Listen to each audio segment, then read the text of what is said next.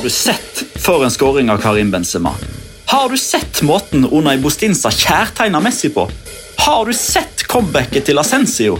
Har du sett eller hørt måten Javier Agirre ble utvist på? Har du sett hvor kreative Celta er på overgangsmarkedet? Har du sett Martin Ødegaard etter koronapausen? Hmm. La liga loca. En litt gærnere fotball. Ja, ja, ja, ja, ja. Vi er fortsatt på eh, Vestlandet, men eh, programlederen fra litt lenger eh, nord enn Odda han er så busy for tida, for han kommenterer La Liga-fotball nesten hver dag. Og Det er jo òg anledningen til at meg, Petter Wæland, og du, Jonas Giæver, hei. Hallo. Ikke sitte ute og nyte sola, men sitte inne og nyte hverandres eh, påsyn for å diskutere den 29. serierunden som nettopp er ferdigspilt. Og Grunnen til at vi gjør det nå, på en fredag, er at allerede i kveld så starter den 30. serierunden. Og hei hvor det går! Skal vi begynne med det siste, Jonas, som er mest eh, aktuelt? Ja, Storkampen mellom eh, Real Madrid og eh, Valencia, der um, ja, Vi kan jo bare ta det først som sist. da. Kan ikke du mm. forsøke å beskrive for lytterne den eh, snappen du sendte meg når lagoppstillinga til Valencia var klar? Eh, hva, hva, gikk gjennom hodet ditt eh, da? Nei, da satt jeg jo Han får jo en mention i så å si hver eneste episode, for det er jo han jeg ser de fleste kampene med nå. Det er Magnus Bernstrøm jeg er jo Valencia-supportere, det er det ikke til å komme unna. Um, og da Eliakim Mangala uh, ble bekreftet fra start sammen med Guillamon, så bestemte vi oss for at nå må vi bare finne et eller annet som får oss i gang. Så da var det selvfølgelig dure opp med Olsen Brothers Fly on the Wings of Love og knerte den første ølen og egentlig bare prøve å se om vi klarte å overleve mest mulig inn til seriestart. Eller seriestart, sier kampstart. Um, seriestarten har vært så som så uansett, men um, Um, jeg må jo si til Mangalas forsvar at i første omgang så er han tålbar, og det er jo egentlig en, uh, en ganske sterk forbedring for han å være. Uh, og jeg synes Valencia egentlig er ganske ok jeg, i den første omgangen også, og så er jo Taura Madrid over mer og mer og vinner jo fortjent 3-0 i den kampen her. Ja, De gjør jo det. for det, Selv om det er en kontroversiell situasjon her, som vi skal ta litt nærmere, så er det jo en, um, en type kamp der man uh, når man ser på, altså Hvis man ikke ser kampen og ser på statistikken, så tenker man ok, dette var grei kjøring. Mm. Uh, og Til syvende og sist så ble det jo òg sånn. Jasper Sillesen hadde vel elleve redninger. og Han tok vel de første ni skuddene som traff mål, før Karim Benzema da fikk uh, hull på byllen etter en uh, fantastisk uh, kontring. Mm. og så kom 2-0 ved Marco Ascensio, som kom tilbake igjen med et brak. Mm. Eh, og Jeg begynner jo nesten å lure eh, på disse overnaturlige evnene til Zinedine Zidane. Eh, vi har jo snakket om at han er sånn clap your hands-trener, og at han har eh, gullhår i ræva. og Det er liksom ikke måte på hva slags krefter som spinner rundt denne fyren her. men når producer da fanger opp den sekvensen, den eh, stemninga som er mellom Zidane og Ascensio rett før Marco Ascensio skal inn, Mm. Uh, og så går det 25 sekunder, og så mm. skårer Marco Ascencio da, i sin første La Liga-kamp på 13 måneder. Det er mm. nesten sånn at man begynner å lure litt på hva, hvem er han Zidane egentlig? Jeg tenkte jo, altså jeg, Slik jeg alltid gjør for eneste episode, så har jeg jo et notatark. og Jeg skulle prøve å finne liksom noe for å oppsummere den kampen. her, og da, øh, eneste jeg har skrevet, er asensasjonelt. Uh, og Det, det syns jeg oppsummerer først og fremst denne kampen her. og I forhold til Zidane, så Nei, Det er jo det som han sier på spansk. da, El flor de Zidane. altså Den der lykken han har, det, det gullhåret i ræva han har, som kommer fram hele tiden, egentlig. Og da er det jo sånn da er det ikke flaks lenger. Da er det det at du faktisk er litt god, og du tydeligvis klarer å, å snakke inn en aura og inn en stemning i et lag som er eh, ja, udiskutabel. Altså, Tilsynelatende så har Zidane en veldig veldig høy stemning blant spillerne sine, og vi vet alle at uh, Ascencio er jo på veldig mange måter Spanias fremtid, da. Spanisk fotballs store angrepsframtid, og jeg tror at det har betyr veldig mye for både Zidane og Real Madrid å få han i gang igjen. Uh, og når du har trent som du sier, altså han skadet seg vel i preseason mot Tottenham, hvis jeg ikke husker helt feil. at Der røk korsbåndet hans i en eller annen oppkjøringskamp der. og Og når han hadde den skuffende sesongen som han hadde i fjor, i stor, i stor grad, så tror jeg det betød ekstra mye for han å få lov til å også debutere eller redebutere på, på Valdebeba. Så da var det sikkert en sånn der 'jøss, er du her?' Det var vel liksom det Zidane eh, så ut til å si og brakte fram et smil. Og så var det smil eh, om alles munn da det gikk et halvt minutt etterpå og Ascencio hadde scora. Så egentlig en sånn eh, perfekt, eh, perfekt kveld for, for Real Madrid sin del, og egentlig en perfekt eh, restart på, på, sesongen for deres del også. Og jeg synes jo Det er litt sånn interessant at det er dem som kanskje har fått den beste starten, med tanke på at uh, ligaen ble jo stoppet pga. dem òg. Altså, det var jo først da de fant ut at det var et positivt tilfelle på basketballaget på Valdebebas, som gjorde at uh, hele Real Madrid-laget gikk i karantene og ligaen ble, ble stoppet. Uh, Bortsett fra Luka Jovic. Bortsett fra Luka Jovic, selvfølgelig. Men Luka Jovic er sikkert veldig stygg. Jeg lurer på om du kan regne han som Real Madrid-spiller i det hele tatt. Ja. ja, man kan nok det. Men Jonas, vi, vi ble jo ikke så veldig overraska når vi så at Marco Ascencio skåra. fordi dette her er jo en mann som Altså, synes, altså Vi begynner å se et mønster her eh, med at det er en spiller som altså Nærmest uansett hva slags eh, trøbbel du setter han i, så løser han det. Uansett hva slags utfordring han får, så klarer han det. Mm. og Jeg kan jo bare referere til den fantastiske eh, statistikken som uh, vår gode venn Mr. Chip kom med etter kampen i går. Altså, Marco Ascencio skåra i debuten for Real Madrid. Han skåra i La Liga-debuten for Real Madrid. Han skåra i Copa del Rey-debuten for Real Madrid. Han skåra i Supercopa de Spania-debuten for Real Madrid.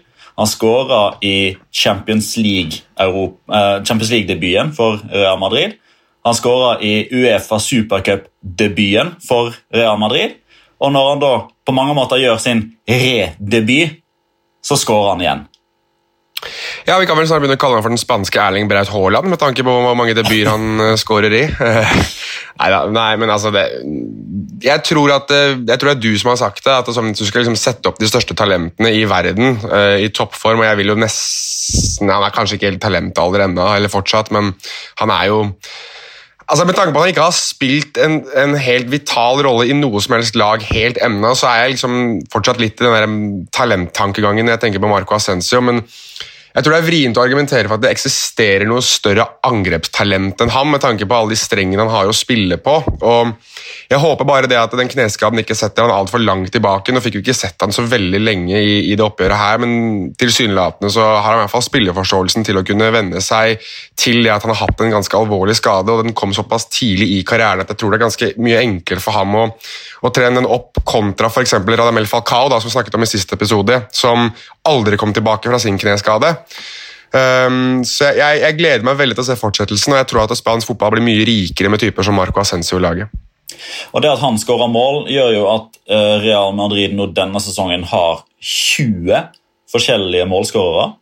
Uh, vi har snakka om det gjentatte ganger i podkasten. Du har skrevet en flott artikkel i Nettavisen om dette uh, savnet av Cristiano Ronaldo i Real Madrid, med at det ikke er en sånn klink målskårer som er en garantist for 30-40 mål.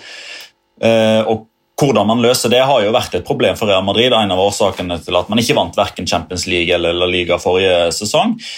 Nå ser det ut som at uh, man kanskje har tatt det inn over seg at uh, ok, man har ikke en spiller uh, som kan skåre 30-40 mål, så da må vi porsjonere det på resten.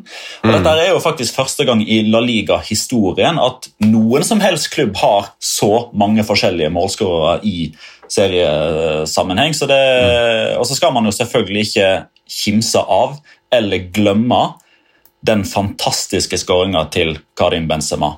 Og kan det hende at uh, Aritz Adoris blir litt skuffa over min uh, vurdering av fotballskåringer. Skal du banne kjerka her nå?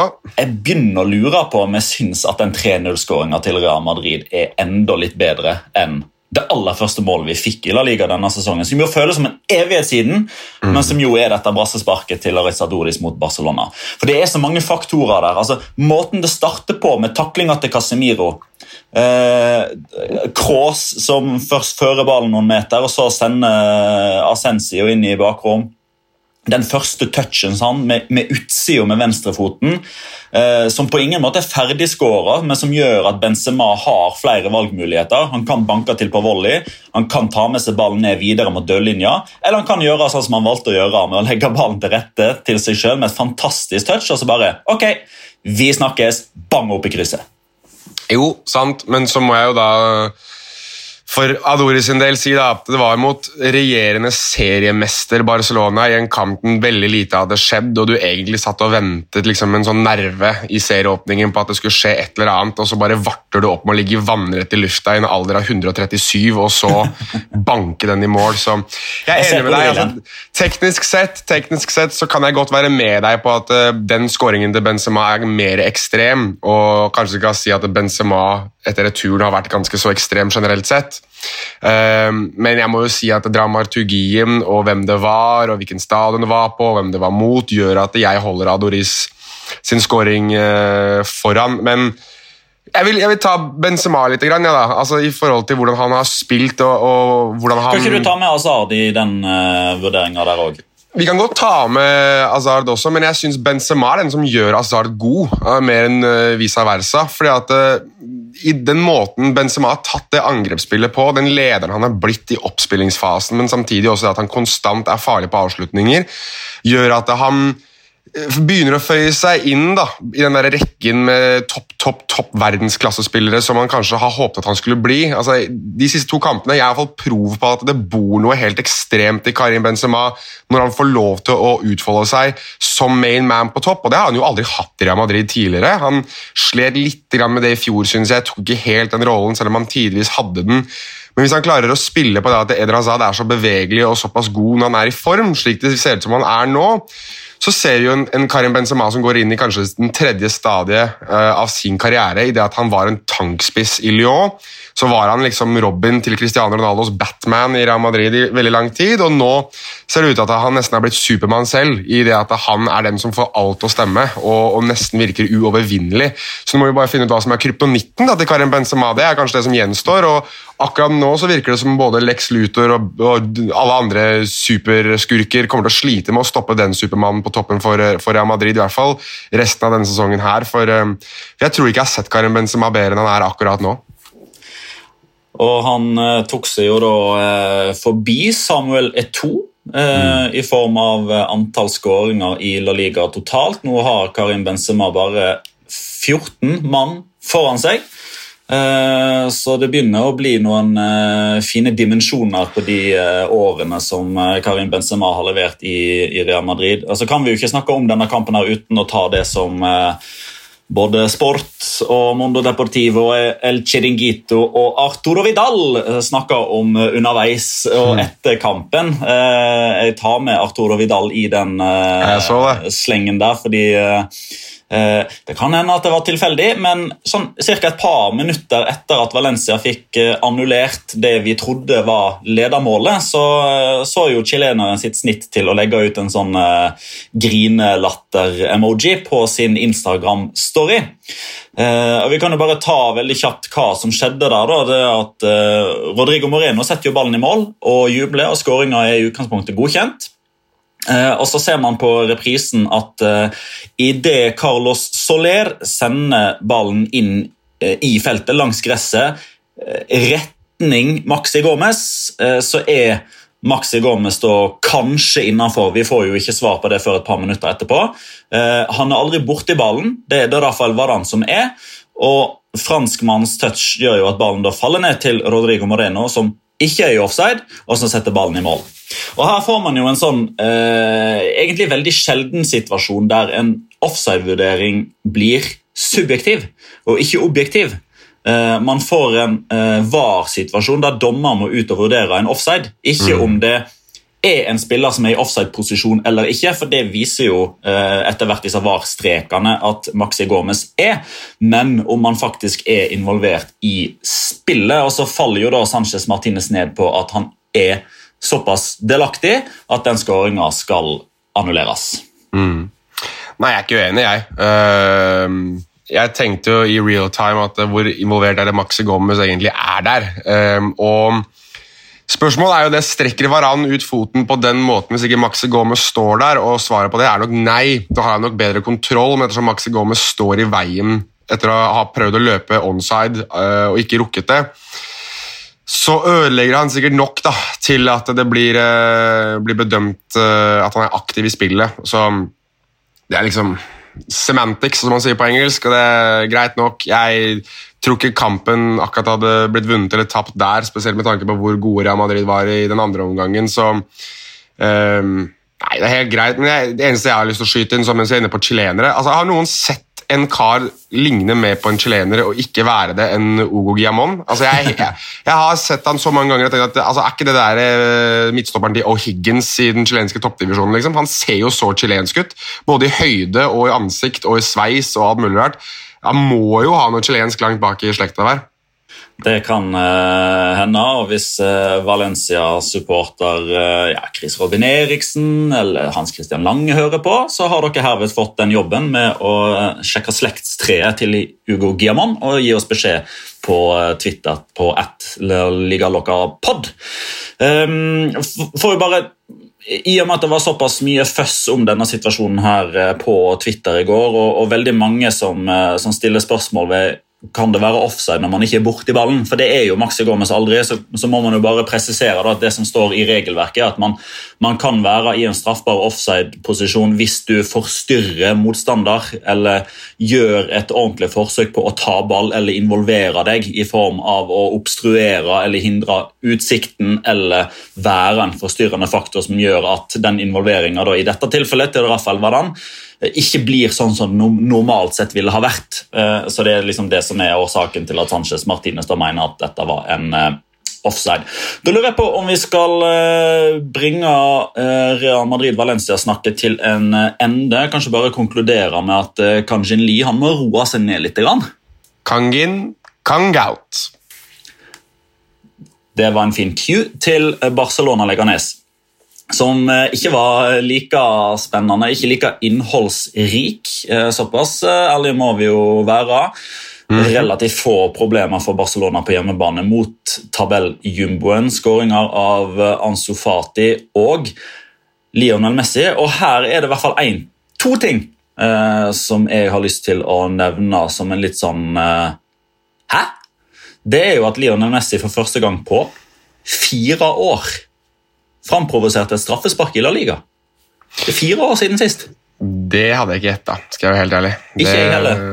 Den er imponerende. Den er imponerende. Uh, men det er vel kanskje, kanskje, det er mer fordi at spillere ikke har klart å få tak i ham uh, tidligere. Uh, Onay Bostinsa beviste vel kanskje det at uh, du må ty til ganske grusomme triks for å stoppe Lionel Messi når han først er i gang. Altså, Rene rugbytaklinga har jeg vel ikke sett på Lionel Messi siden jeg vet ikke om du husker det, men Messi spilte jo VM i 2010. Da spilte vi bl.a. mot Hellas. og Det er jo kanskje en av de morsomste og mest sånn, fascinerende måtene å stoppe Messi på jeg har sett noen gang.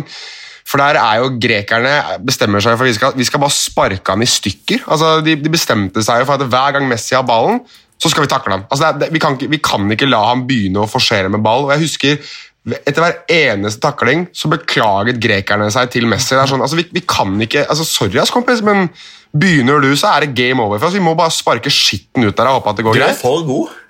Ja, men det var sånn det var. Altså, hvis, det, hvis, noen noen gang har lyst til å se en helt fantastisk fascinerende fotballkamp, så se Hellas mot Argentina fra gruppespillet i 2010. For øvrig skåring av Martin Palermo i den kampen. Hey! Men men, eh, men, nei, det, er, det, var litt sånn Onay Bostinsa gjorde i den kampen. her, sånn, du, Sorry, ass, kompis, men du er for god. ass. Vi må bare, Skal jeg stoppe deg, så må jeg liksom legge hele kroppen min over deg. Og det var jo det han gjorde, da. Uh, og Den andre tingen som jeg beit meg merke i, er at uh, på, på stillinga 2-0, når vi går inn i de siste ti minuttene, så er, det, så er, det, plutselig et eller annet som skjer med intensiteten til Barcelona-spillerne. For i løpet av sju minutter så får fem forskjellige Barcelona-spillere gult kort. Fem ja, nå... gule til Barcelona i løpet av sju minutter hjemme mot Leganes når de leder 2-0. Er det ikke noe Tarjeta Forsadas ute og går her, da? Nei, for det neste kampen nå som vi skal snakke om etterpå, er jo borte Ja, er mot Sevilla. Stemmer. Eh, Ja, og en av de fem som faktisk fikk det gule kortet, må jo stå over der. Samuel Umtiti. Ja. Som neppe nei, hadde starta der uansett, fordi Clement Langlais skal eh, i aksjon mot gamle lagkamerater, og Jedad Piquet ser jo ut til å ha klart seg greit, til tross for at han fikk noen, eh, noen saftige knotter i eh, leggen eh, i løpet av andre omgangen der. Men eh, foreløpig da så er det status quo på toppen. Barcelona har to poeng ned til eh, Real Madrid. Henholdsvis 64 og 62 poeng. De to lagene ser eh, det ser ut som at de, vært, eh, at de er i rute, at de har gjort en god jobb i løpet av eh, koronapausen.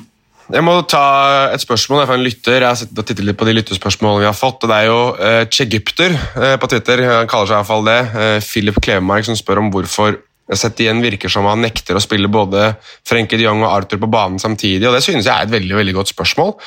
Eh, og et spørsmål jeg ikke har svar på. Fordi eh, det ville jo gitt veldig mening da, i form av hvordan Setien ønsker å spille fotball og ha to såpass ballsikre virtuoser som også har evnen til å bevege seg høyere i banen. Eh, altså Spørsmålet er såpass godt at jeg har ikke noe godt svar, så jeg bare beveger det videre til deg. Petter.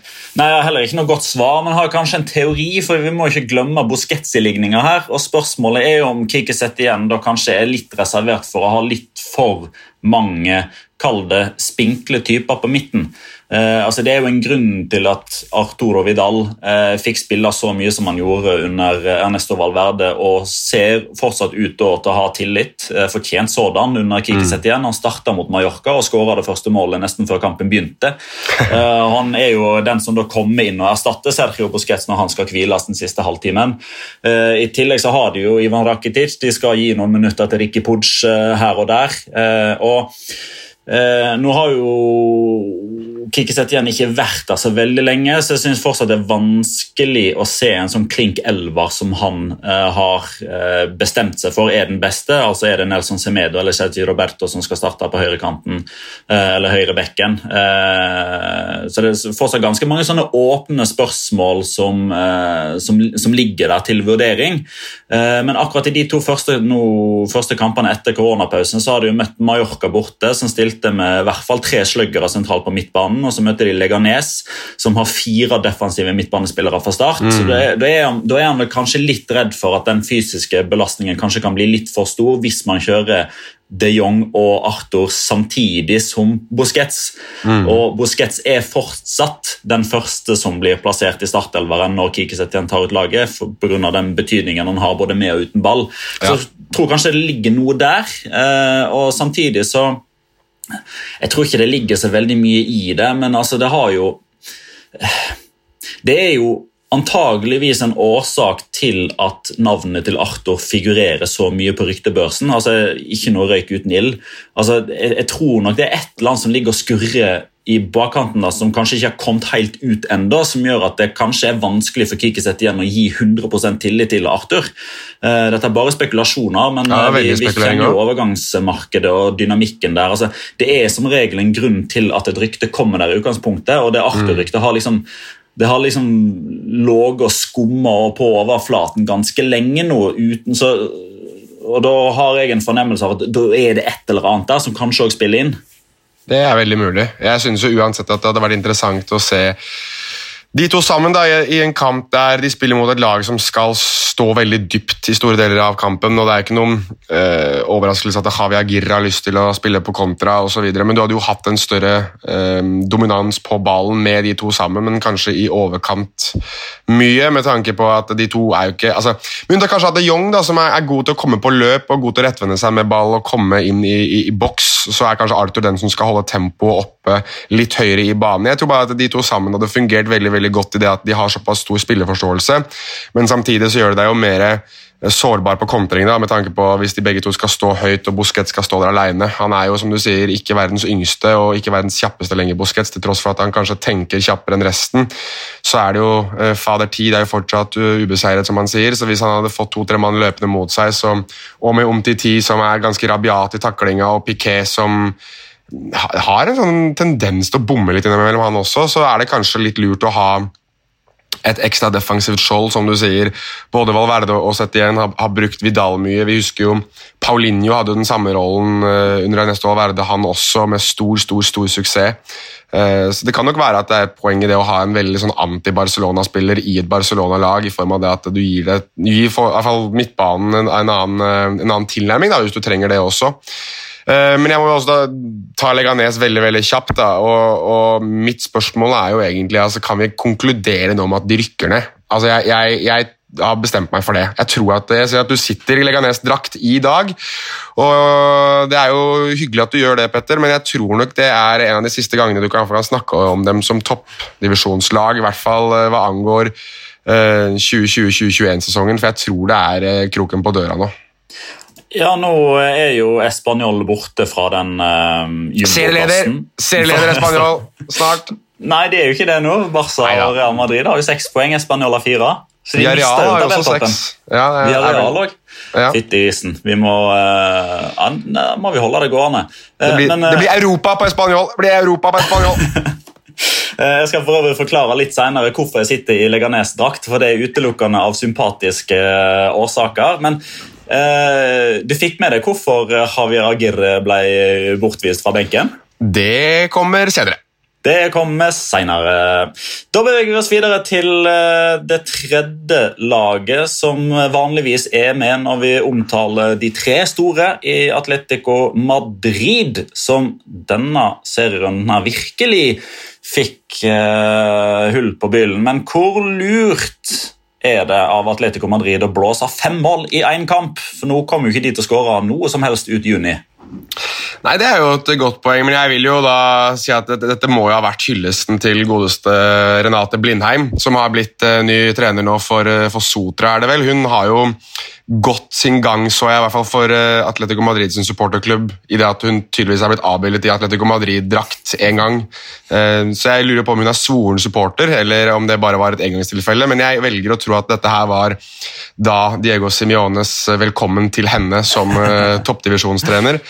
Uh, og hvilken hyllest hun da får. fordi altså, Angrepsspillet til, til Atletico Madrid um, Jeg var litt sånn er det, altså, can, can, the real Atletico Madrid please stand up? fordi at dette her var jo angrepsspill av en annen dimensjon tidvis, og, og, og Joao Felix Eh, så ut som han var Kristus født på ny, tidvis. med men det at han virket spillesugen, virket som han hadde noe å bevise. og Det, det er virkelig på tide. altså, At han eh, viser at han har vært litt, eller i hvert fall halvparten, om ikke litt mer, av de 126 millioner euroene som Atletico Madrid har betalt for ham. Jeg synes I tospann med Diego Costa så virker det også som han har det er litt rart å si, men det er kanskje en slags farsfigur da, som kan gå litt i bresjen for han og gi han det, det rommet og den tiden han kanskje trenger. Eh, de to sammen syns jeg så veldig veldig spennende ut. Um, så Jeg håper at vi får se mer av den duoen der, i det at eh, også Diego Costa kommer tilbake som a house on fire, som man sier på engelsk. Um, virker spillesugen, virker gira. Um, og det, det, tror jeg lover veldig godt for Atletico Madrid, som nå går opp på fjerdeplass. Um, det er jo nesten litt sånn rart i seg selv. Um, I den tid ingen har lyst til å bli fjerdeplass i La Liga, virker det som, så er det Atletico Madrid som nå tar et lite grep rundt den siste plassen til Champions League, hvilket igjen også er rart å si med tanke på deres historikk i Champions League. Eh, men vi må jo plukke opp hansken litt fra, eh, fra, mandag, eh, da vi satt og snakka om en spiller som virkelig har fått blod på tann i en ny rolle. Riktignok ja. som innbytter i, i, dag, eller i dag faktisk, på onsdag kveld, når kampen ble spilt. Men altså han går jo da altså da fra å bli helten eh, på Anfield til å ha en relativt god kamp på San Mames i ny rolle, til å da bli den første innbytteren i La Liga denne historien som er involvert direkte sådan i tre skåringer. Marcos Jodente setter sjøl 0-3, serverer Alvaro Morata på 0-4 og serverer Jannik Carasco på 0-5. Altså, jeg lurer på, uh, Greit nok at han spiller med drakt nummer 14, men altså, uh, hvor er det blitt av Marcos Jorente, og hvorfor har plutselig prime Diego Maradona begynt å spille for Atletico Madrid? Altså, det er jo... Jeg sa, jeg sa liksom sånn, ok, Han hadde én involvering, og så tenkte jeg ja, ok, veldig veldig bra, kult at han liksom har den flowen. Og så er det en til, og så er det sånn ok, hva er det som foregår? Og så har han altså Nei, det var bare sånn det er veldig rart å forklare, for jeg sitter liksom og venter på at det skal være et blaff. da. Fordi jeg har alltid ansett Marcos Llorente som en typ litt mer sittende midtbanespiller som kan kontrollere, balansere Oi, nå er det en bikkje utafor her som var veldig rabiat. Uh, og som tydeligvis altså, hadde uh, mer det der defensive genet i seg, og så plutselig så blir han bare tidenes enganche bak uh, spissen og dikterer og, og, gjør absolutt alt offensivt for Atletico Madrid. Det er liksom jeg kan ikke huske å ha sett en omveltning av en fotballspiller på den måten. Kanskje Jon Obe Miquel, for han spilte i Lyn og var eh, dikterende, som du sikkert husker, Petter, som jobbet i Lyn på det tidspunktet, til å bli liksom en sånn form for traus, kjedelig defensiv midtbanespiller i Chelsea. Åh, det var tider, det. Nå, eh, nå ble jeg nesten litt rørt her, Jonas. Ja, jeg har en tendens til å røre folk. Det er mye rør, det er jeg helt enig i. Ja, det er så mye rør. Det er så ekstremt mye rør. Men eh, det betyr da at eh, Atletico Madrid som du påpeker, er tilbake igjen i det gode selskap i topp fire i La Liga. De er da to poeng bak Sevilla, som eh, avga to poeng helt på tampen mot Levante. En kamp som ikke ble spilt i Valencia, men i La Nocia på eh, nøytral grunn. Men eh, Levante da som formelt hjemmelag. De eh, har jo da i likhet med Real Madrid satt i gang omfattende bygningsarbeid på sin hjemmebane. Um, Luke de Jong eh, skåra denne serierunden. Eh, Alvaro Morata skåra denne serierunden. Eh, hva blir det neste, egentlig? Nei, det er vel at verden går under, regner jeg med. Men uh, jeg må jo da heller uh, Nå skal jeg ikke snakke om den kampen akkurat nå, men jeg, jeg syns det gir litt mening når du har en kar en annen kamp som heter Via Libre, altså Den frie vei, som scorer. Da er det liksom uh, Da er det fritt vilt. Ja, da er det fritt vilt. men jeg synes Dio Carlos har jo egentlig en suveren kamp igjen for Sevilla, og så er det jo Altså Han blir jo stående som den som skårer selvmål, selv om det er Vatslik som slengt at, eller strengt at kaster ballen i foten hans, eller slår ballen i foten hans, og det blir et selvmål. men Altså, Dio Carlos kan ikke bli værende i Sevilla etter denne sesongen her, sånn som han spiller nå. Dessverre. Altså, han kommer til å koste 40-50-60 millioner euro fordi han er så sinnssykt bra. Jeg tror du er snill mot kjøpende klubb, hvis du, eh, i hvert fall hvis du legger startlista på 40. Ja, du, Det er nok der du begynner å forhandle, og så ender du nok på et sted mellom eh, ja, 60-65, regner jeg med, totalt. Ja. Jeg tror, tror, ikke Sevilla har råd til å si nei til, eh, til det. Um, Nei, det, er akkurat, det er jo akkurat dette boka òg. Altså, vi har jo eh, framsnakka denne Monchi Matteclath eh, som gikk på YouTube eh, i koronapausen. og Dette her er jo egentlig skoleeksempler på hvordan du har lyst til å drive. Det, det, det må selge på perfekt tidspunkt er jo et, en av nøkkelpilarene for, uh, for Monchi. Og spørsmålet er jo om Diego Carlos uh, egentlig på noe som helst tidspunkt kan ha en bedre standing ute i Europa som Sevilla-spiller. Altså, det virker jo som at dette her er det perfekte tidspunktet å selge han på og få mest mulig foran. Jeg tror at det, det, det, sier veldig mye om spesielle typer som ham, at du kan komme tilbake fra uh, korona og være nesten like god, men ikke enda bedre. Altså, det viser jo også en form for profesjonalitet som jeg tror veldig mange klubber ser etter. Uh, altså, Hvordan tar han sånne situasjoner som det? Altså, er, bruker han det som en ferie, eller bruker han det som en måte å bli enda bedre på.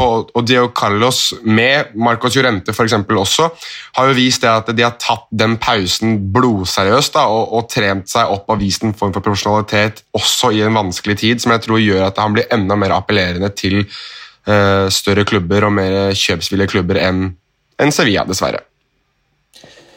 Bak Sevilla og Atletico Madrid så er det jo nå de to eh, Vi må jo fortsatt kalle dem for overraskelser, eh, i og med at de pusher Sevilla og Atletico Madrid i den grad som de gjør. Men det har vært en skuffende start på, eh, på comebacket for både Retafe og Real Sociedad. Førstnevnte klarer ikke å slå Eh, Español på hjemmebane, til tross for at de spiller eh, vel 75 minutter med én mann i, i, overtall. Kan, eh, med mindre du har noen sånne talking points i den kampen, der, så, ta, så skal jeg eh, snakke litt nærmere om den utvisninga på et senere tidspunkt. Eh, Jonas.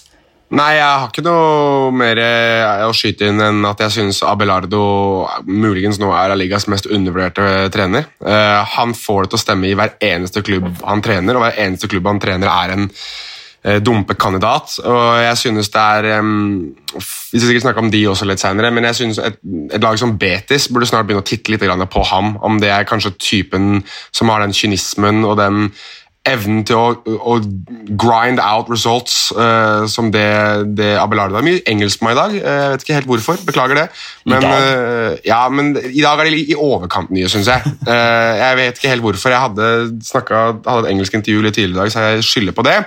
Men uansett så, så syns jeg Abelardo er um, helt Altså Han virker som han har, har, knekket den koden som Bordalas hadde tidligere, men som han virker å ha mistet litt nå. det kan godt være det at det ikke er forventes noe særlig av Abelardo som gjør at han kan jobbe ganske i ro og i mak, men samtidig så er det det at du konstant har ryggen mot veggen og du egentlig venter på at det skal gå til helvete hele tiden. så eh, det er ikke noe rart at han er skalla, for at han hatt noe hår på hodet, så hadde han vel sikkert revet det ut med tanke på alle de vanskelige tidene han har hatt eh, på bunnen av tabellen med diverse ulike klubber. Så, så jeg føler at det, igjen da, En klubb som Betis, som kanskje trenger en redningsmann, burde titte på han snart, med tanke på de resultatene han, han har levert over flere år nå.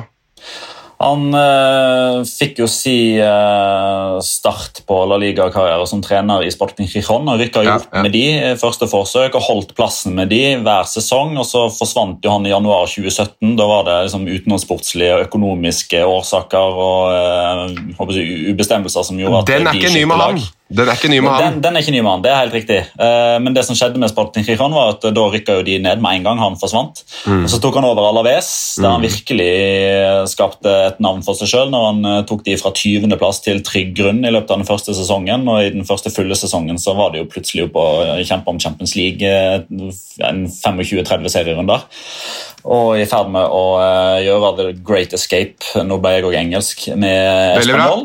Men én ting som gjør at jeg liksom, er helt enig. Han mannen han må til Sevilla. Eh, for det er jo faktisk sånn at I løpet av sin landslagskarriere altså Abelardo var jo høyre back eller stopper. Han var defensiv. Eh, ikke noe spesielt målfarlig, men han skåra faktisk tre landslagsmål for, eh, for, Spania. Det aller første landslagsmålet mot Frankrike ble skåra på Benito Villamarin. Det andre landslagsmålet ble skåra på Ramón Sánchez Pitjuan. Og det tredje landslagsmålet ble skåra på Montjuic, som er den gamle hjemmebanen til Español. Så det er jo skrevet i stjernen at han skal til byen Sevilla i løpet av trenerkarrieren sin. Så får tida vise om det er Betis eller Sevilla. Men jeg, men jeg, må bare få sagt det at hvis da eh, Español har lyst på en erstatter, så altså, Gianni de Blassi syns jeg fortsatt fortjener å få en ny mulighet. Gianni de Blassi, for en mann. Oi sann. Uh, ja. Eh, hadde Gianni Di Blasi vært uh, engelsk, så hadde vi nevnt han i samme åndedrag som Tony Adams og Gary Neville.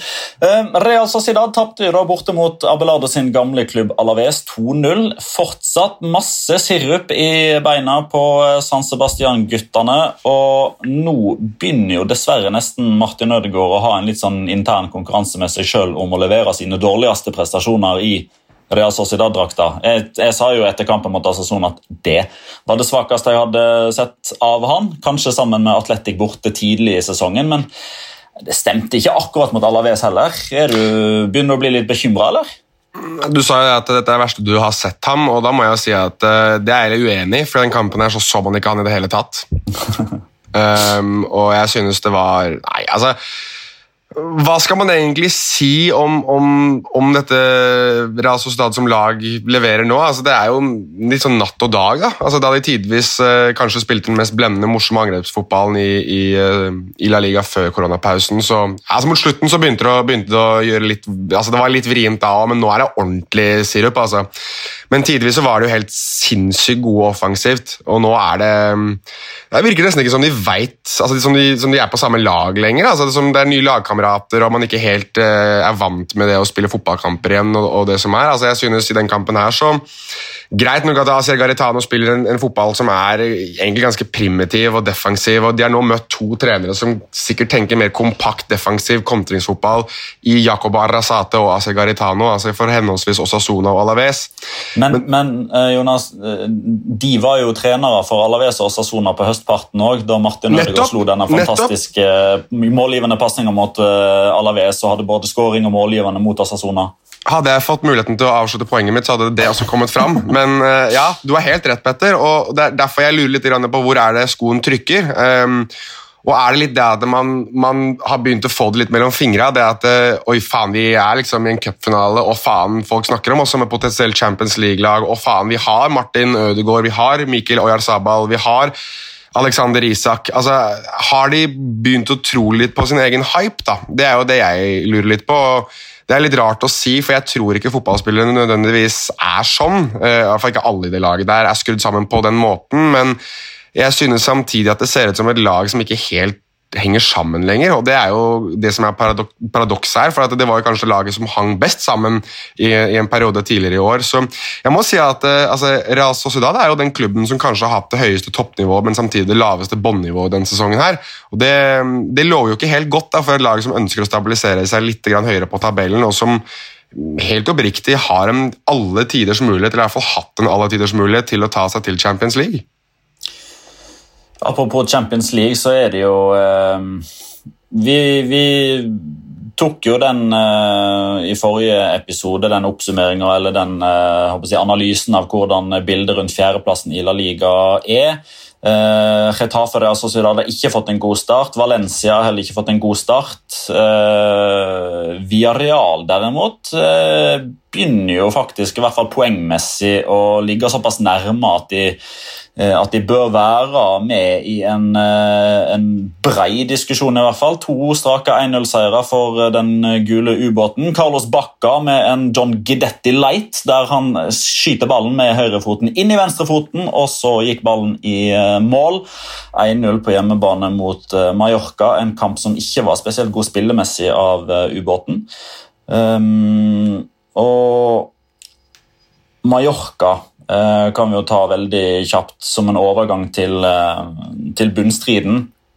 For nå begynner det jo eh, Eller det begynner jo ikke. Det har jo vært tett som hagl i, i bunn gjennom hele sesongen, og det virker som at Altså, det er liksom ingen av eh, bunnlagene som begynner å vise tegn til bedring, bortsett fra Español, som lå dårligst an i utgangspunktet. Eh, Eibar klarer ikke å vinne, Celta klarer ikke å vinne, Mallorca taper, Leganes taper. Eh, denne runden her så vant jo heller ikke Español fordi de spilte 0-0. Eh, og, og, den kampen som kommer, det er vel nå Er det lørdag? De kommer tett som hagl. Mallorca, Leganes. Den kampen. Ja den kampen er potensielt helt avgjørende, spesielt for Leganes. Skulle de tape den, da tror jeg du har helt rett i at vi kan sende ned eh, agurkdyrkerne. Jeg tror uansett at Hvis det blir uavgjort her, så kan de to gi hverandre en god klem og hoppe utfor et stup. Da tror jeg det er game over for begge to. Um, og jeg tror som du sa at det er En overgang til bunnstriden jeg tror nesten snart vi kan si for disse to lagene her, og Mallorca inkludert, at det er en overgang til Segunda. Eh, det er jo de to lagene som jeg syns viser um, minst, egentlig. Altså, jeg syns ikke Mallorca er Greit nok de får en skikkelig en i fleisen tidlig mot Barcelona i første kamp tilbake etter gjenstarten, men jeg syns ikke de er noe spesielt gode i det oppgjøret her heller. Og, synes, og, det, og Da sier jeg igjen også, jeg syns ikke Viareal er sånn spesielt gode heller, men de klarer å, å dra ut det ene resultatet. da. Og Spørsmålet mitt var jo litt om, om eh, Carlos Bacca har nådd Copa America-formen. At han skulle prøve å prikke seg inn til det mesterskapet. og nå må Han tydeligvis spille tydeligvis han må spille La Liga istedenfor Copa America denne sommeren. Så det kan jo være at det er litt sånn hell i uhell for, for, hans del. Um, men ja, nei, altså Mallorca Leganes det, det blir jo en, altså kampen for tilværelsen, men samtidig så er jeg litt usikker på om, om, det har så veldig mye å si med tanke på det nivået de to leverer. Um, og For Leganes sin del så er det jo, er det jo skrekkelig uheldig, fordi at de har bare mistet alle spillerne sine. egentlig, og Både Enesiri og, og Braithwaite tror jeg kunne gjort vei i vellinga for dem, men nå spiller de for henholdsvis Sevilla og Barcelona. For Mallorca sin del så var vel det det laget jeg sa før sesongen at jeg var mest skeptisk til, sammen med Granada. Granada har selvfølgelig motbevist meg til, eh, til, på alle punkter som eksisterer, men, men Mallorca har liksom ikke hatt den der bredden i troppen, de heller, og jeg er usikker på om de har enkeltspillerne til å, til å, få de ut av en vanskelig situasjon når de trenger det, og det syns jeg det bevises oftere og oftere at de ikke har. Så, og Nå har de i tillegg ikke den der hjemmebanefordelen som de, som de hadde nytte av i store deler av uh, første del av sesongen, der de hadde hjemmebanefordel og de hadde publikum og de hadde liksom den der iveren og og det som var, da, um, at jeg tror at de sammen med Leganes mest sannsynlig allerede kan uh, iscenesette seg en situasjon der de spiller på nest øverste nivå neste sesong. Tre resultater vi ikke har uh, name-droppa enda fra den runden som har vært uh, passert, med mindre du har veldig masse på hjertet om, uh, om de. Altså Betis Granada 2-2. Um, bortelaget tok ledelsen ved Carlos Fernandes, som er i fyr og flamme. Betis mm. snudde seint med Sergio Canales fra straffemerket og Christian Teio med det som visstnok var ei lompe. og så kom Granada tilbake igjen på overtid med Roberto Soldado. 2-2. Det vil seg ikke for Robi, som sitter utrygt, og som visstnok har et ultimatum liggende på bordet sitt i forkant av bortekampen mot Atletic. Som spilte 2-2 borte mot Eibar. Der var det òg litt sånn straffebonanza. 1-0 ved Raúl Garcia, 1-1 ved Kike Garcia. Eibar tilbake i ledelsen etter at eh, godeste Fabian Orellana skåra. Og så var det som sagt da fri bane for Asia Via Libre til å sette inn 2-2 rett etterpå. Og så den siste kampen, da, Valladolid Celta 0-0. Den kampen trenger vi ikke snakke så veldig mye om, annet enn at vi nevner at vår alles kjære Jago Aspas ikke klarte å omsette et straffespark. Han har veldig ofte blitt helten tidligere, nå ble han synderen. Eh, men vi må snakke litt om Celta. Uh, og Vi må snakke litt om det som skjedde da i går, torsdag 18.6. For, um, for et par uker siden, på treningsfeltet, så var reservekeeper Sergio Alvarez uh, uheldig og pådro seg en kneskade ute i ca. fem til seks måneder som gjør at det da åpner seg en mulighet for Celta Vigo eh, til å be om dispensasjon til å hente en spiller for å erstatte han. Um, vi har jo vært innom dette regelverket tidligere, som muliggjør det for klubber å hente erstattere for langtidsskadde spillere. Heisan Martin, Braithwaite, Leganes og Barcelona. Uh, og det som da skjer, uh, og nå spissformulerer jeg i begge retninger for at det skal høres litt ekstremt ut, men Eh, de får altså en langtidsskade på sin reservekeeper og henter dermed da femtekeeperen til Sevilla, eh, bedre kjent som Nolito, som aldri har hatt på seg hansker, eh, og som er venstrekant og skal spille med drakt nummer tre. Kjør, Jonas. Nei, jeg vet ikke hva jeg skal si. Det er jo litt sånn altså du, når du går på, Det er litt, litt, som å gå på butikken når du er sulten, tenker jeg. At det er sånn Ja, jeg vet jeg bare skal ha rundstykker og en pakke med roastbiff og noe kremos, men så ender du opp med å kjøpe en pakke med skoleboller og tre sjokolader og proteinbars og epler og alt mulig annet du egentlig ikke trenger, og så spiser du alt sammen, selvfølgelig, og så angrer du deg selv etterpå. Dette er jeg eh, kongen av, for øvrig, og jeg kjenner meg litt igjen av, at, av, uh, i dette av, av Celtas overgangspolitikk. fordi ja, det er uh, mulig man trengte en ny keeper, men det er mer sexy å hente Nolito. Det er mer morsomt å hente Nolito. Det ser kulere ut å hente Nolito, men er det nødvendig å hente Nolito? Nei, det er det ikke. Så uh, det er jo muligens, uh, muligens litt den der buyers remorse man sitter igjen med etterpå. Da, at man burde gjort noe helt annet enn det man velger å gjøre, men samtidig Nolito, Rafinha, Denis Suárez, Aspas altså De henter jo bare tilbake igjen spillere som har hatt et opphold eller er flasket opp i, i Celta. og Det er jo litt sånn nydelig, synes jeg. da. Ja, det er jo definitivt det. Det er jo egentlig litt som, altså Hvis, hvis vindusviskerne på bilen ikke funker, så drar du på Biltema, om du går ut derfra med høyttalere i stedet for. Uh, altså du, du, fikser jo ikke det problemet du har fått tillatelse til å fikse. I dag er vi jævlig gode på anekdoter, Petter. Vi er det. Eh, men dette her har jo da igjen da brakt harme inn i klubblokalene til Leganes, eh, som, eh, som mener at Og derfor sitter jeg med Leganes-drakt i dag, for jeg føler ah. deres sympati fra Botarque til Spydeberg. Det blir for øvrig ikke overskrifta på dagens episode, selv om den hadde vært ganske kul. Eh, fordi, som vi var inne på, da, eh, de mista jo Martin Braithwaite, eh, som ble henta av Barcelona pga. skaden til Osman Dembélé. Eh, der er det jo et visst samsvar på posisjonen. Eh, altså Dembélé ut, Braithwaite inn. Ok, greit, vi kan akseptere det.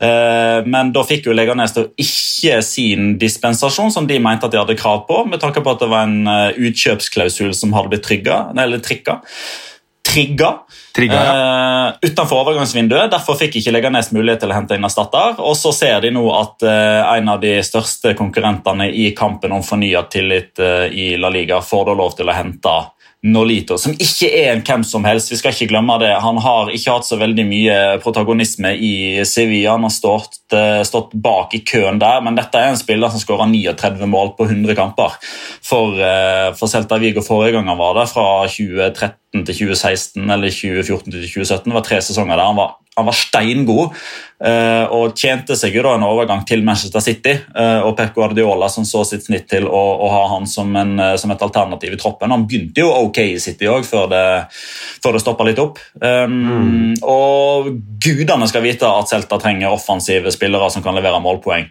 For de er jo vaksinert mot å skåre mål. Ja, men jeg vet liksom ikke helt om Nolito som kanskje er litt kamprusten, og som tidvis vel Var det ikke han som sa noe sånn at han hadde i gang fått spille for Guadalajara, eller noe sånt, som spiller i tredje eller fjerde divisjon i Spania, og da svarte vel de med å legge ut en tweet med at ja, du må gjerne komme ned til oss, og hadde trykket opp en drakt med Nolito 10 og det som er. så jeg vet liksom ikke helt om, om, selvtilliten er på topp hos ham, da, til tross for at han har kanskje hatt sin beste um, tid i karrieren i Celta. Um, jeg er litt usikker på om, jeg, om hva jeg skal tenke om overgangen, annet enn at det selvfølgelig det er sexy, det ser kult ut, men er det så kult egentlig? Er det hva man trenger egentlig? Og hvordan ser det ut hvis da uh, Celta Vigo skulle rykke ned? For er jo, de er jo på ingen måte på trygg grunn, de heller. Så jeg mener jo det at hvis de klarer å rykke ned med Nolito. Så, altså jeg vet ikke helt om det er keeperen som, som, kommer til å være den som de må peke på som skyld i det, men, men samtidig Da sitter du der da, med, med, alle de der fantastiske spillerne de faktisk har og har klart å rykke ned. Så eh, Nei, jeg, jeg blir liksom sittende igjen litt sånn og undre meg i hvorfor er det man gjør dette, når du ligger Uh, to poeng fra nedrykksplass og Ja, du trenger skåringer, ja, men samtidig trenger du kanskje mer Er det ikke det man sier? At det, altså, angrep begynner kamper, men forsvar vinner mesterskap? Og da er det jo, er det jo kanskje der uh, de burde starte, da, med å polstre igjen det forsvaret mest mulig. Ta en uh, kjapp titt på uh, tabellen. Barcelona og Real Madrid kjemper om uh, seriegullet. Det er 64 og 62 poeng for de. Sevilla leder an i kampen om Champions League med 51 poeng. De har fått selskap av Atletico Madrid med 49. Retafe og Real Sociedad har 47.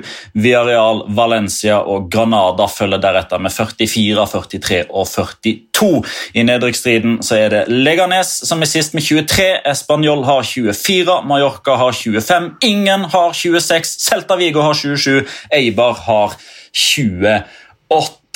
Skal vi ta litt galskap da, før vi eh, framsnakker litt den serierunden som begynner om et par timer?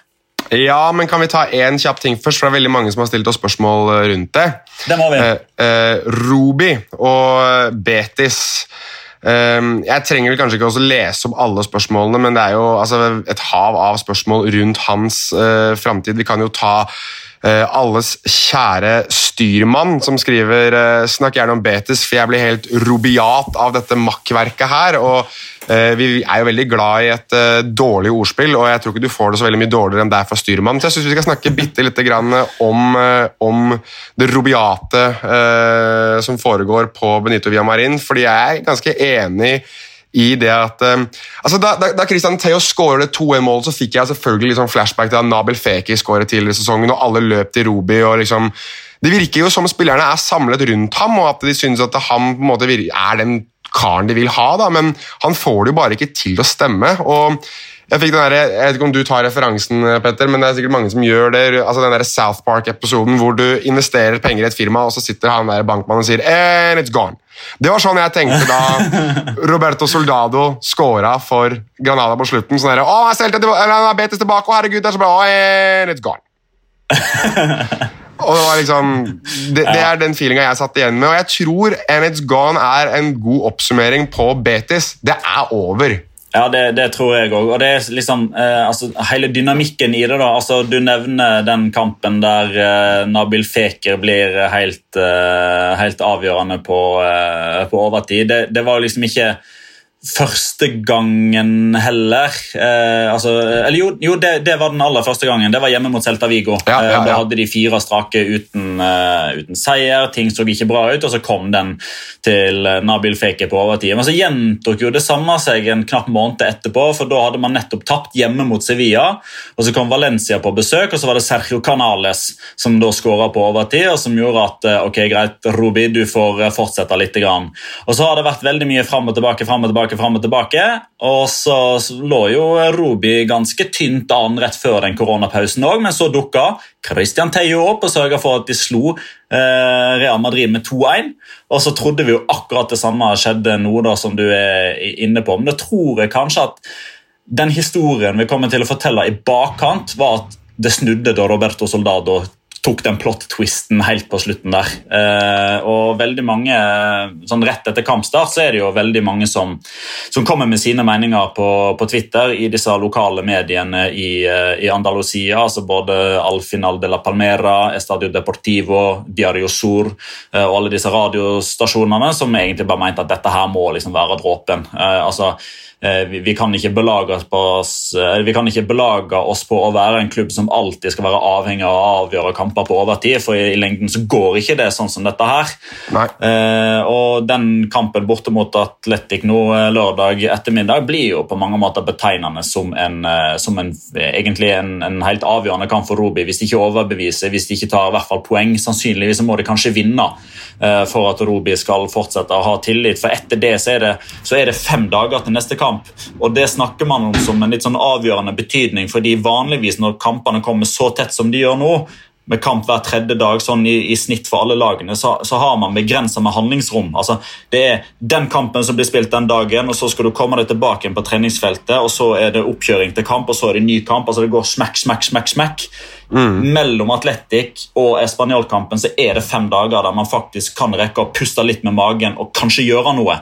Mm. Um, så Roby han ligger, han ligger, veldig tynt an. og skulle, han, skulle, det vise seg at han er en katt, at han fortsatt har noen liv igjen som, uh, som Betis-trener, så tror jeg ikke det holder til etter sesongen. Jeg tror Betis-styret allerede har bestemt seg for at neste sesong så sitter ikke Roby, men spørsmålet er om de, om de rett og slett tør å, å ikke agere før. Jeg så at det var ryktet at både Marcellino og Manuel Pellegrini var de to navnene som var nevnt. og Det til nesten oppsummere Betis litt, for der har det jo to ytterpunkter hva angår fotballstil. altså Pellegrini, som er en, egentlig en rolig, behersket mann som liker å holde på ball og liker å bygge opp spillet, og Marcellino, som er direkte dynamikk. Altså, det er jo Betis i et nøtteskall. De vet jo ikke noen ting om hvor de skal hen, og hva de egentlig driver med, virker det som halvparten av tiden. Bare håper at det skal gå greit. Så. Altså, bare For å understreke det, da, så er en tredjemann som er nevnt, er jo Havi Garcia, som er midt imellom, som er ganske pragmatisk. Ja, og så har du også eh, Jeg husker at Marcelo Bielsa var nevnt som en potensiell mann de ville prøve seg på, men nå ser det ut til at Leeds rykker opp til Premier League, så da vil jeg vel tro at han har lyst til å være med på det eventyret. men Nei, Jeg vet ikke. Jeg synes det er veldig veldig merkelig. Altså, det er ikke nytt at Betis ikke virker som de har snøring på hva de holder på med på direktørnivå, men samtidig så er det så utrolig merkelig at en klubb som er såpass stor, virker å ha såpass lite kontroll.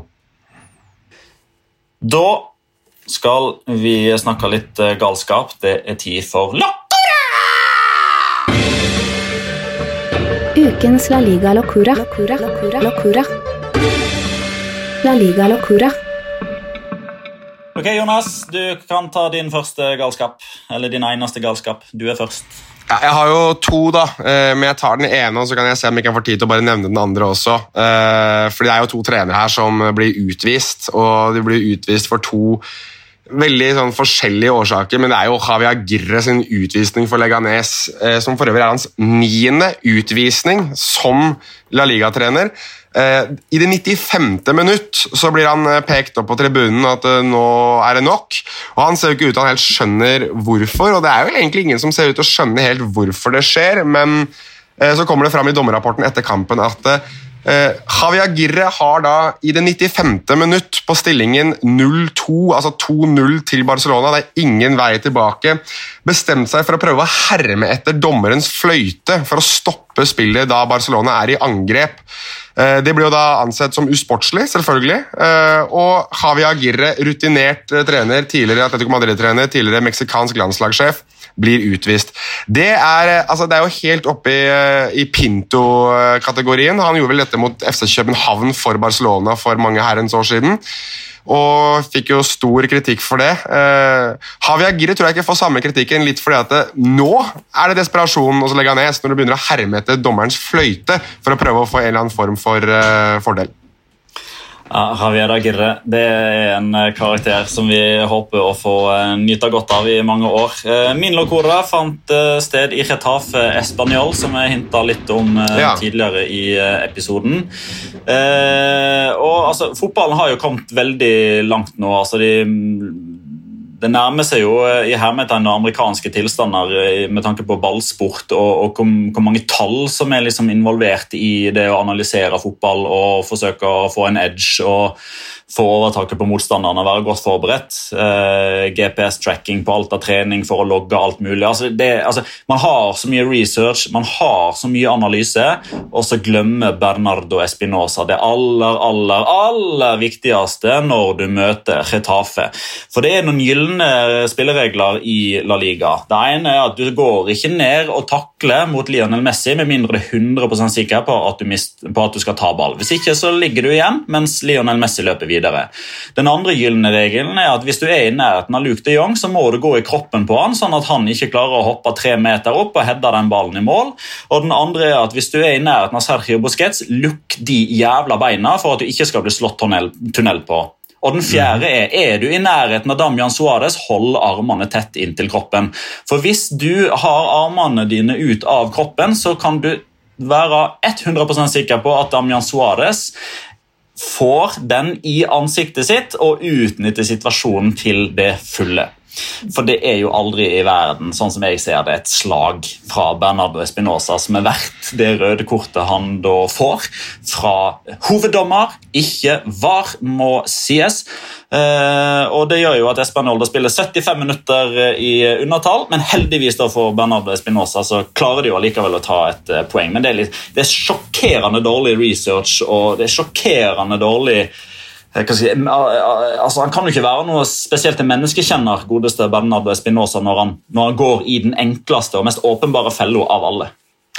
Definitivt, helt enig, men da må jeg, jeg må bare få skutt inn siste her også, ettersom vi snakker om utvisninger. Ehm, for det er jo enda en som har blitt utvist eh, på, på trenerbenken, og det er jo José Luis Mendelibar. og Han er jo den som leder eh, altså antall utvisninger som trener. Han har elleve utvisninger totalt. Det er jo ganske spinnvilt, syns jeg, da, at en trener klarer å bli utvist så ofte. Du har jo han på førsteplass, og så er det vel delt andreplass mellom eh, nevnte Agirre og Marcelino, som begge står med ni.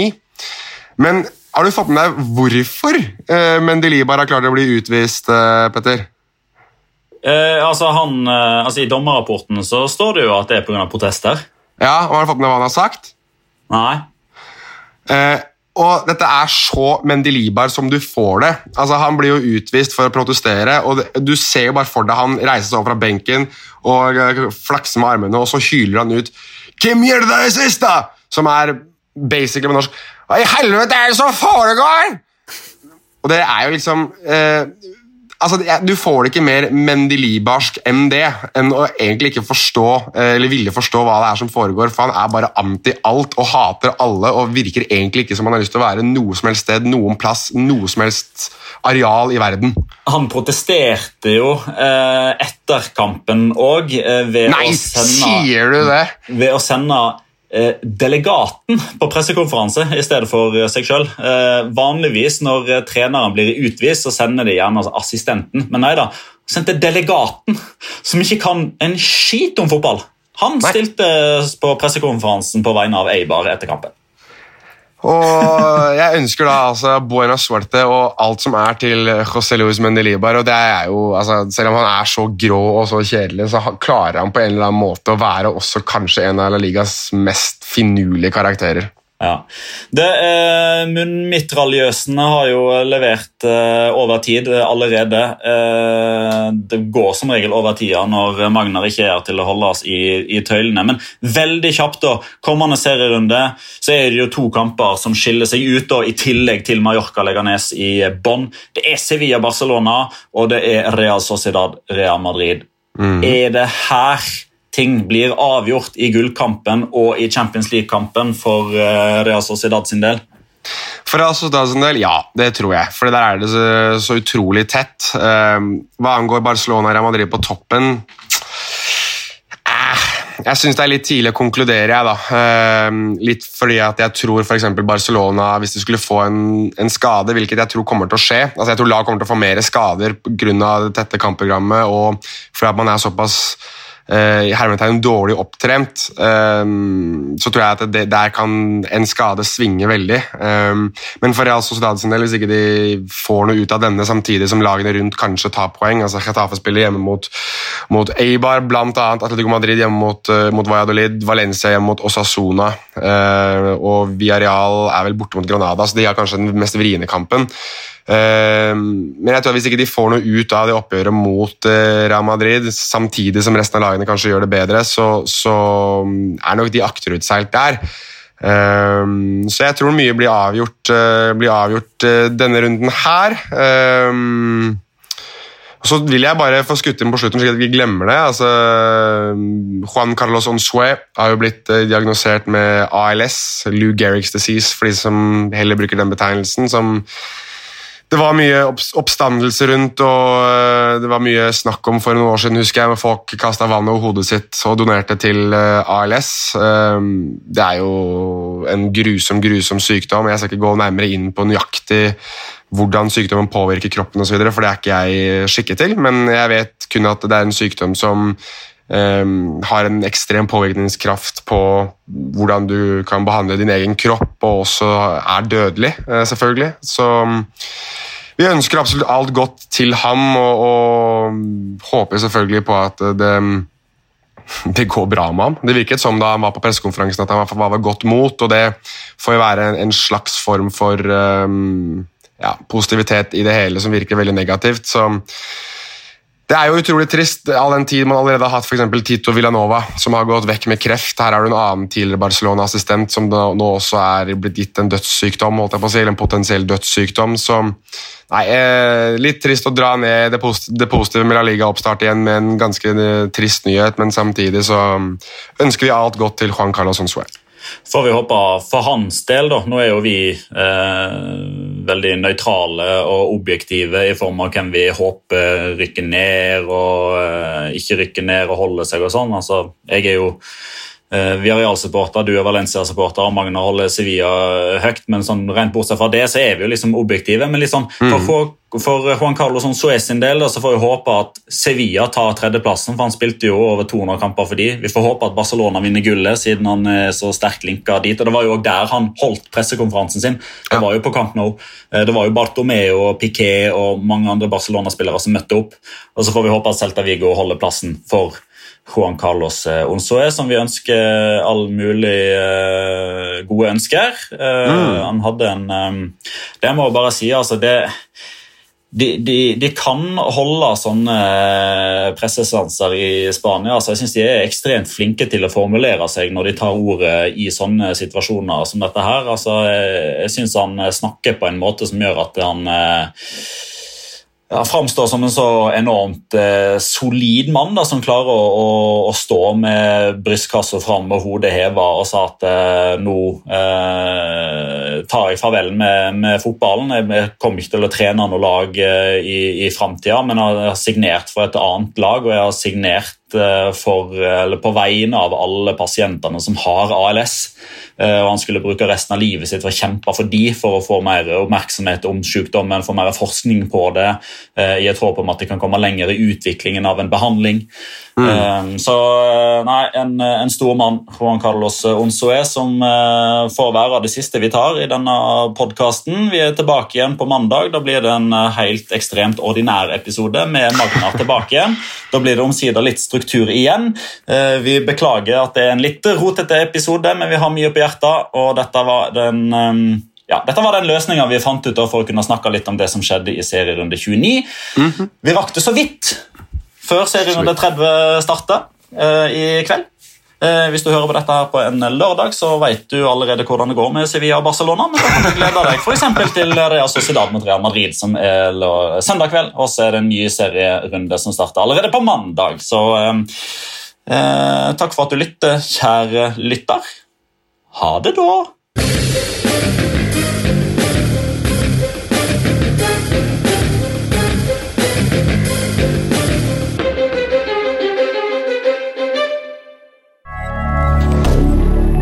moderne media.